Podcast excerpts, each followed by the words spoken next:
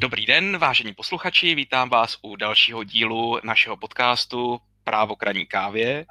Eh, ve studiu eh, takto virtuálně dneska na dálku vítám Honzu Vařechu, což je advokát PRK Partners, který se specializuje na korporátní právo, restrukturalizace, na transakce a na podobné obchodně právní otázky. A eh, vítám tě, Honzo. Ahoj Martine a dobrý den všem posluchačům. Ahoj.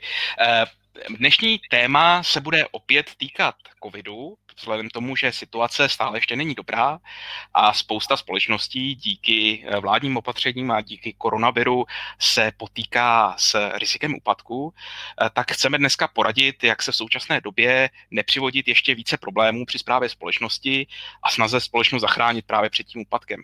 Honzo, prosím tě, pro koho dnešní podcast vlastně je eh, připravovaný?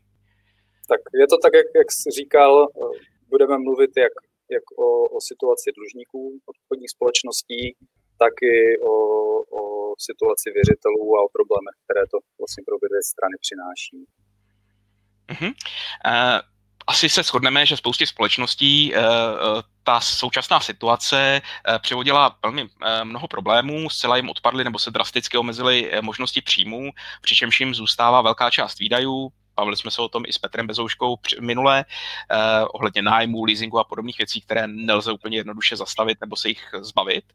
Eh, majitelé a statutáři se teď snaží asi udržet společnosti nad vodou, nicméně hrozí, že pokud společnost dospěje k úpadku, bude se na jejich současné jednání zpětně pohlížet podle úpadkového zákona. Eh, kdy si jako podnikatel mám vlastně začít hlídat tyhle ty rizika?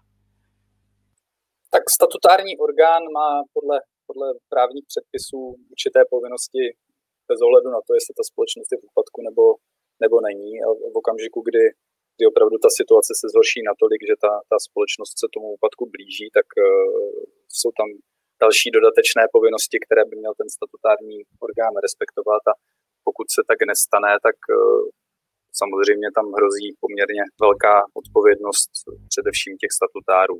Takže obecně Obecně samozřejmě platí pro všechny členy statutárních orgánů povinnost postupovat s péčí řádného hospodáře, což v podstatě lidsky znamená, že by, že by ten statutární orgán měl při, při rozhodování upřednostňovat zájmy společnosti před, před vlastními zájmy, což je povinnost nějaké loajality vůči té společnosti a měl by, měl by při tom rozhodování postupovat s náležitou pečlivostí, u těch obchodních společností možná ještě je dobré dodat, že, že ta povinnost jednat, jednat s potřebnými znalostmi a pečlivostí není, není úplně absolutní.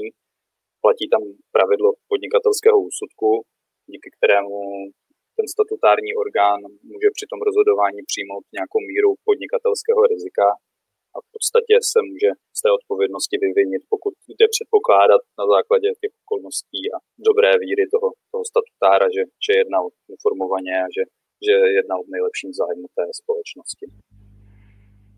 Mhm. A pokud se blíží, nebo pokud se zvětšuje to riziko toho úpadku, tak jak by se měla ta situace změnit? Tak samozřejmě porušení té, té, té povinnosti péče řádného hospodáře má nějaké důsledky. Za normálních okolností to samozřejmě eh, ten člen statutárního orgánu tak, tak nevnímá, dokud se té společnosti daří, tak, eh, tak je to taková abstraktní, abstraktní povinnost, ale, ale v okamžiku, kdy, eh, kdy ta společnost se blíží, blíží tomu úpadku, tak musí počítat s tím, že to jeho rozhodování bude pod drobnohledem insolvenčního správce a, a insolvenčního soudu i, i věřitelů. To znamená, že ta míra toho rizika pro něj tam, tam dramaticky roste. Obecně, když, když někdo nejedná s péčí řádného hospodáře, tak samozřejmě odpovídá za škodu, kterou tím té, té řízené společnosti způsobí. To je jediná civilní odpovědnost, kterou má každý, každý statutár, ale, ale eh, v situaci, kdy, kdy už se ta společnost blíží, blíží úpadku nebo, nebo je v úpadku, tak eh, tam přistupují další povinnosti, které by ten statutární orgán měl plnit. A ano, chtěl jsem se říct? Eh, no, vlastně jsem se chtěl zeptat, eh, jaký jsou ty kritéria toho úpadku? Co mám jako jednatel vyhlížet, nebo eh, jako člen statutárního orgánu vyhlížet, hmm. abych si uvědomil, že teď mám zbystřit? Jasně. Úpadek je, úpadek je, je definovaný, definovaný v českém insolvenčním zákoně a ten zákon rozlišuje dvě, dvě formy toho úpadku pro podnikatele, buď je to úpadek, který, kterém ve formě, ve formě platební neschopnosti té společnosti, anebo je to úpadek ve formě předlužení té společnosti. A když, eh, když bych eh, chtěl nějak jako rozebrat ty jednotlivé formy, tak u obou platí, že, že ta společnost je v úpadku, pokud má více věřitelů, to znamená, je tam podmínka mnohosti věřitelů. U úpadku ve formě platební neschopnosti musí ta společnost mít pohledávky po splatnosti, alespoň 30 dnů, a musí tam být nějaká objektivní neschopnost ty, ty pohledávky platit. To znamená, nestačí, že ta společnost má nějaký, nějaký dluh, který je třeba i, i těch 30 dnů po splatnosti, ale z nějakého důvodu se rozhodla ten dluh neplnit, například protože ten dluh je, je sporný a, a, nebo prostě z nějakého důvodu ten dluh platit nechce. Jasně, takže musí prostě chybět. Musí tam být, musí tam být objektivní, objektivní důvod, to znamená, ta společnost prostě není, by, by ráda ten dluh splnila, ale není schopna to splnit kvůli té své finanční situaci. Takhle je to asi dost abstraktní, ale ten zákon obsahuje určité domněnky, které zjednodušují posouzení, jestli ten úpadek nastal nebo ne. No a když jsou ty domněnky splněny, je možné na základě toho už předpokládat, jestli tam ten úpadek ve formě platební schopnosti je. Může to být například zastavení plateb dlužníka vůči věřitelům, je tam i domněnka, že v úpadku je ten, kdo má peněžité závazky po splatnosti déle než 3 měsíce, nebo když se jeho věřitelé nemůžou uspokojit eh, v exekuci, která byla proti tomu dlužníkovi nařízena. No a když už eh, je na toho dlužníka podán insolvenční návrh a dlužník má předložit soudu seznam svého majetku a závazků, tak eh, ten úpadek se předpokládá, když tu povinnost nesplní. Uh, druhá forma úpadku, kterou jsem zmínil, je předlužení a i tam platí ta podmínka té mnohosti věřitelů, to znamená, musí tam být alespoň dva věřitelé, no a tam vlastně ta definice, ta definice předlužení počítá s tím, že dluhy, dluhy toho dlužníka jsou větší než, eh, než jeho majetek. To znamená, rozdíl, rozdíl mezi dluhy a, a majetkem je negativní, přičemž se bere, bere v potaz i, i očekávaný, očekávaný výnos dalšího podnikání toho dlužníka. To znamená, ne nutně, eh, není nutně problém, když, eh, když má dlužník víc dluhů než, než majetku v daném okamžiku, pokud eh, ví, že z jeho dalšího podnikání vygeneruje dostatečný příjem na to, aby, aby ty dluhy splatil. Pokud tam takového očekávání není, tak to může být dán ten výpadek ve formě předlužení. Takže když to zkusím schrnout, eh, třeba na příkladu restaurací, eh, ty eh, možnosti úpadku jsou dva. V případě, že ta restaurace nemá dostatečnou likviditu, aby plnila svý dluhy, to je ten první případ toho úpadku. A v druhém případě by to bylo, kdyby vlastně už ani ten majetek té společnosti v tom SROčku nebo v té akciovce nepostačoval na pokrytí všech pohledávek, všech dluhů. Je to přesně tak, s tím, že ta restaurace by byla předlužená v situaci, kdy kdyby ani nebyla naděje na to, že třeba po otevření, po otevření bude schopná znovu generovat nějaký zisk, z kterého bude moct ty dluhy splácet. Mhm, jasně. No a e, jak by vlastně měl ten e, společník, nebo respektive statutární orgán e, v takové situaci, kdy mu hrozí riziko úpadku, jak by měl vlastně postupovat?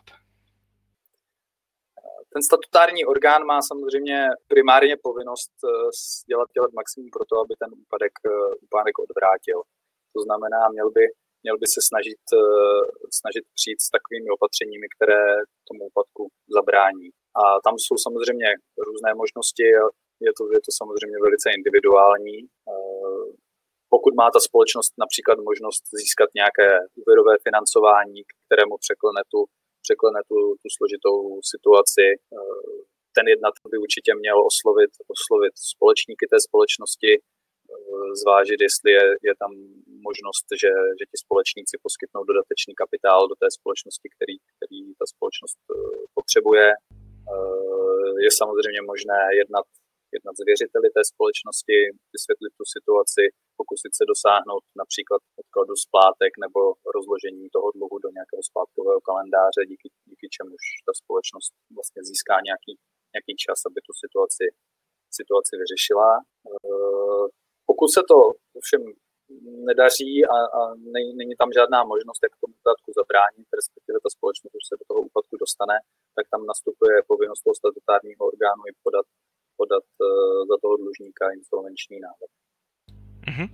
A z hlediska, z hlediska možná, možná i odpovědnosti těch, těch statutárních orgánů tam určitě je dobré doporučit, aby eh, měli nějaké podklady, jak eh, rozhodovali a, a jaké, jaké okolnosti zvažovali při tom svém rozhodování. To znamená, pokud eh, ten statutární orgán je postavený před, před nějakou volbu, která je, zásadní z hlediska třeba úpadku toho, té společnosti, kterou řídí, měl by, měl by si o tom vést nějaký písemný záznam, pokud je to kolektivní statutární orgán, představenstvo nebo více jednatelů, měli by mít nějaký zápis, kde, kde popíšou, jakým způsobem se vlastně rozhodli a co, co, co brali v potaz při tom rozhodnutí. No a konečně statutární orgán si může, může vyžádat uh, i, i nějaký pokyn společníka. Rozumím. Pokud by se společnost třeba rozhodla eh, částečně prodat svůj majetek, aby získala hotovost eh, na úhradu eh, svých pohledávek, svých dluhů, jaký by měl tento postup rizika?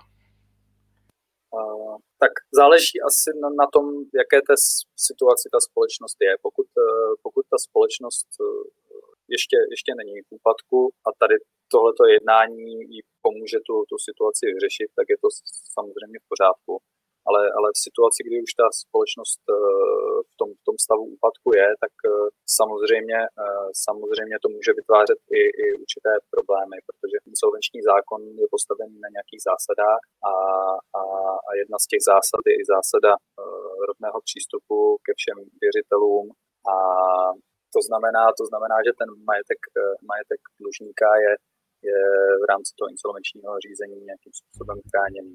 A insolvenční soud a insolven, eh, insolvenční správce má možnosti, jak eh, podporovat eh, jednáním dlužníka, které směřovaly k tomu, že se ten majetek té společnosti zmenšil a na, na ty věřitele, kteří si přihlásili své pohledávky do insolvenčního řízení, prostě zbyde menší kousek toho koláče k rozdělení. To znamená, má tam insolvenční správce možnost napadnout jednání, kterém je přesvědčený, že zmenšilo, zmenšilo ten majetek té společnosti nebo zvýhodnilo některého, některého z věřitelů. No a e, jaké druhy vlastně těchto z těch odporovatelných nebo neúčinných úkonů známe? Insolvenční zákon ten počítá s třemi, s třemi typy tady těchto neúčinných jednání. E, ten první typ toho neúčinného jednání jsou, jsou právní úkony, e, které, e, které ten dlužník činí bez přiměřeného protiplnění. To znamená, typicky to budou buď, buď úkony, které proběhnou bez jakéhokoliv protiplnění, bezúplatně, anebo jsou to, jsou to jednání, kde sice nějaké protiplnění je, ale ta hodnota toho protiplnění neodpovídá tomu plnění toho, toho dlužníka. To znamená, to znamená, typicky by to mohlo být třeba nějaké, nějaké, nějaké darování, darování majetku nebo převzetí převzetí nějakého, nějakého cizího dluhu a podobně. To je, eh, to je jeden, jeden z typů té neúčinnosti. Druhým typem je zvýhodňování věřitelů. To je situace, kdy sice ten dlužník eh, plní dluh, eh, za který bylo sice poskytnuto nějaké protiplnění, ale nerespektuje při tom plnění tu, to pravidlo, že věřitelé té společnosti mají nárok, nárok na poměrné uspokojení. To znamená, podstatě, když má společnost několik věřitelů a nějaký, nějaký omezen, nějaké omezené prostředky, tak, eh, tak v podstatě ta zásada je taková, že by ty prostředky mělo rozdělit rovným dílem mezi ty, ty věřitele, i když to znamená, že, že ti věřitelé nebudou spokojení plně. Měl by prostě, prostě zaplatit to, co může a měl by, měl by se ke všem těm věřitelům chovat stejně.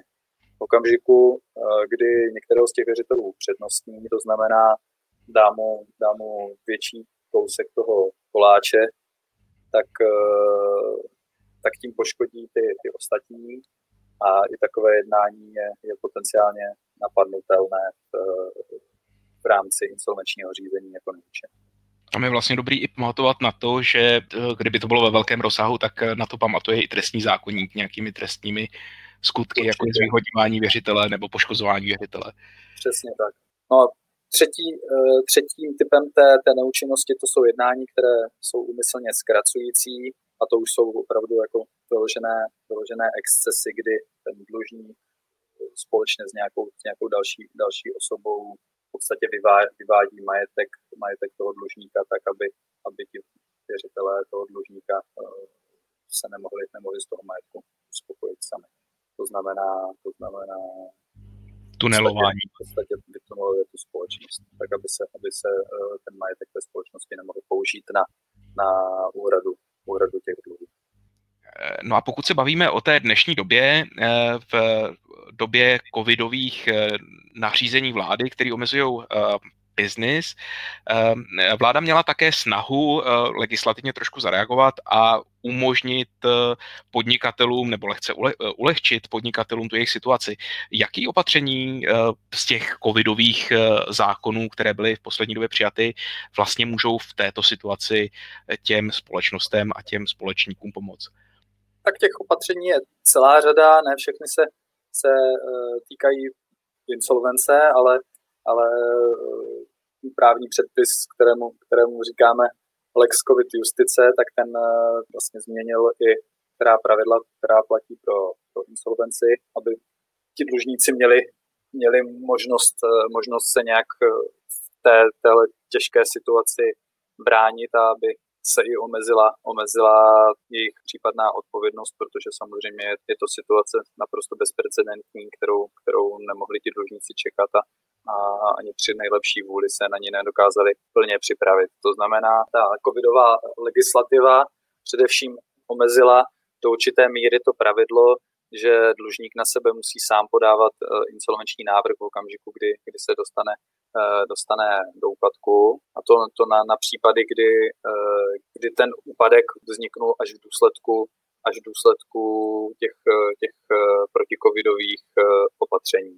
To znamená, pokud, pokud ta společnost byla před, před účinností těch opatření zdravá, ale v důsledku těch koronavirových opatření například musela zavřít prodejny, restaurace nemohla, nemohla, nemohla provozovat, tak eh, ten dlužník eh, tím získává, získává čas tu, tu situaci vyřešit a není, není v takové situaci povinen, povinen na, sebe, na sebe ten insolvenční návrh i hned podat, ale může, může využít uh, nějaké další prostředky, jak, jak uh, tu insolvenci nebo ten úpadek, uh, úpadek řešit, ať už je to ať už je to čerpání různých podpor, využití, využití uh, těch úvěrových moratorií, zajištění nějakého dodatečného financování, nebo, nebo například, například využití institutu moratoria, které, které může poskytnout nějaký čas na, na konsolidaci. No a pokud využiju právě to covidové moratorium, mění se nějak moje eh, povinnosti při správě to majetku té společnosti? Moratorium je institut, který insolvenční právo zná a, je, to, je to vlastně způsob, způsob jakým, se, jakým se ten dlužník může, uh, může dočasně chránit uh, před, před věřiteli a může získat čas na to, aby právě vyřešil tu svou nepříznivou finanční situaci. Moratorium upravuje insolvenční zákon standardně, ale, ale ta covidová legislativa upravila ještě, ještě zvláštní, zvláštní typ moratoria, to, to covidové moratorium, eh, u kterého jsou, eh, jsou nějaké rozdíly a které, které má trošinku jiná, jiná pravidla, trošku benevolentnější pravidla pro ty, pro ty dlužníky. Hlavní, hlavní rozdíl je ten, že, eh, že ten zákon stanoví, stanoví nějaké podmínky, za kterých eh, může společnost o, o to covidové moratorium žádat. Ty podmínky jsou v podstatě poměrně formální. Pokud, eh, pokud ten, ten dlužník, dlužník tedy ty formální podmínky naplní, může, může o to covidové moratorium požádat tím, že, že vyplní a podá v podstatě poměrně jednoduchý, jednoduchý formulář, který je dostupný na, na, na stránkách Ministerstva spravedlnosti a soud, soud vlastně eh, o tom, o tom moratoriu rozhodne a, a umožní tomu dlužníkovi ty, ty, ty výhody, které z toho plynou, využívat.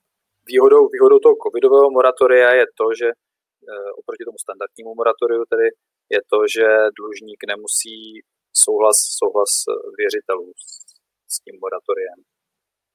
Eh, zatímco ve standardním moratoriu je potřeba mít souhlas nad poloviční většiny věřitelů, tak u toho covidového moratoria tady tahle ta podmínka neplatí. To znamená, pro toho dlužníka je to mnohem snažší si o to moratorium požádat a získat. Možná ještě doplňující otázka. Můžu vlastně požádat o to covidové moratorium i za situace, kdy vím, že mi fakticky nepomůže a že stejně tu, tu předloženost, kterou třeba teď řeším, tak nemám šanci vyřešit a potom, co dojde k ukončení toho moratoria, tak stejně mě ta insolvenční řízení čeká. Tak já nevím, nakolik je dlužník eh, schopný eh, tady tohleto posoudit. To moratorium je samozřejmě určeno, určeno k tomu, aby tomu dlužníkovi pomohlo tu situaci vyřešit a ten úpadek odvrátit. To znamená, pokud, eh, pokud ten dlužník už, už v úpadku byl a nedostal se do toho úpadku důsledku, důsledku nebo, nebo převážně v důsledku těch, těch koronavirových opatření, tak pro něj to, to moratorium určené není. Pokud nicméně vidí, že, že v okamžiku, kdy, kdy ty opatření odpadnou, nebo ty omezení, které, které musíme, musíme řešit, odpadnou, a, a, a ví, že ten jeho biznis se znovu rozjede a že, že, že bude schopný, schopný v tom podnikání pokračovat, tak, tak si myslím, že to moratorium je, je, je pro něj vhodný institut. A možná vlastně je to podpořeno i, i, i, i statistikami, protože eh, od roku 2008 podle statistik bylo v České republice eh, povoleno asi 130 eh, moratorií, ale jenom za dobu, za dobu té první, první koronavirové vlny, kdy, kdy byl zaveden ten institut toho mimořádného moratoria, tak, využilo dalších asi 60 společností, včetně poměrně velkých společností. Nejznámější asi, asi společnost Smartbanks, která, eh, která eh, tady tenhle ten institut využívá. Jasně, děkuju. A ještě bych tě poprosil na závěr eh, nějakou radu vlastně pro všechny jednatele a statutáry společností, které, kteří řeší právě riziko úpadku, jak tedy v tuhle chvíli postupovat. Hmm. Já už jsem o tom mluvil na začátku určitě pro, pro ty statutáry je, je vhodné dokumentovat si ty, ty rozhodnutí, ten, ten rozhodovací proces, eh, mít, mít podklady k tomu, eh, na základě jakých kritérií nebo jakých okolností to rozhodnutí přijali, eh, snažit se dělat maximum pro, pro odvrácení toho úpadku, ale pokud, pokud to opravdu není, není možné, tak, tak zvážit, jestli jestli má smysl využít například některé z těch, některé z těch prostředků, které, které mu dává ta covidová legislativa, typicky třeba to koronavirové moratorium. A samozřejmě ta problematika je velice složitá a nedá se, nedá se schrnout komplexně do, do nějakých 20 minut. To znamená, eh, je tam, je tam spousta, spousta dalších aspektů, které by, by ten statutár měl vzít v potaz a aby, aby naplnil i, i tu svoji povinnost péče řádného hospodáře, tak, eh, tak je na místě, aby se poradil s odborníkem, který, který eh, tu problematiku zná a je schopný mu kvalifikovaně poradit, jak dál postupovat. Díky, to byl eh, Jan Vařecha, advokát PRK Partners. Díky za návštěvu a za čas. Jo, díky, díky za pozvání. A s vámi, vážení posluchači, se loučím. Eh, děkuji za pozornost a těším se u eh, našeho dalšího podcastu za dva týdny opět naslyšenou.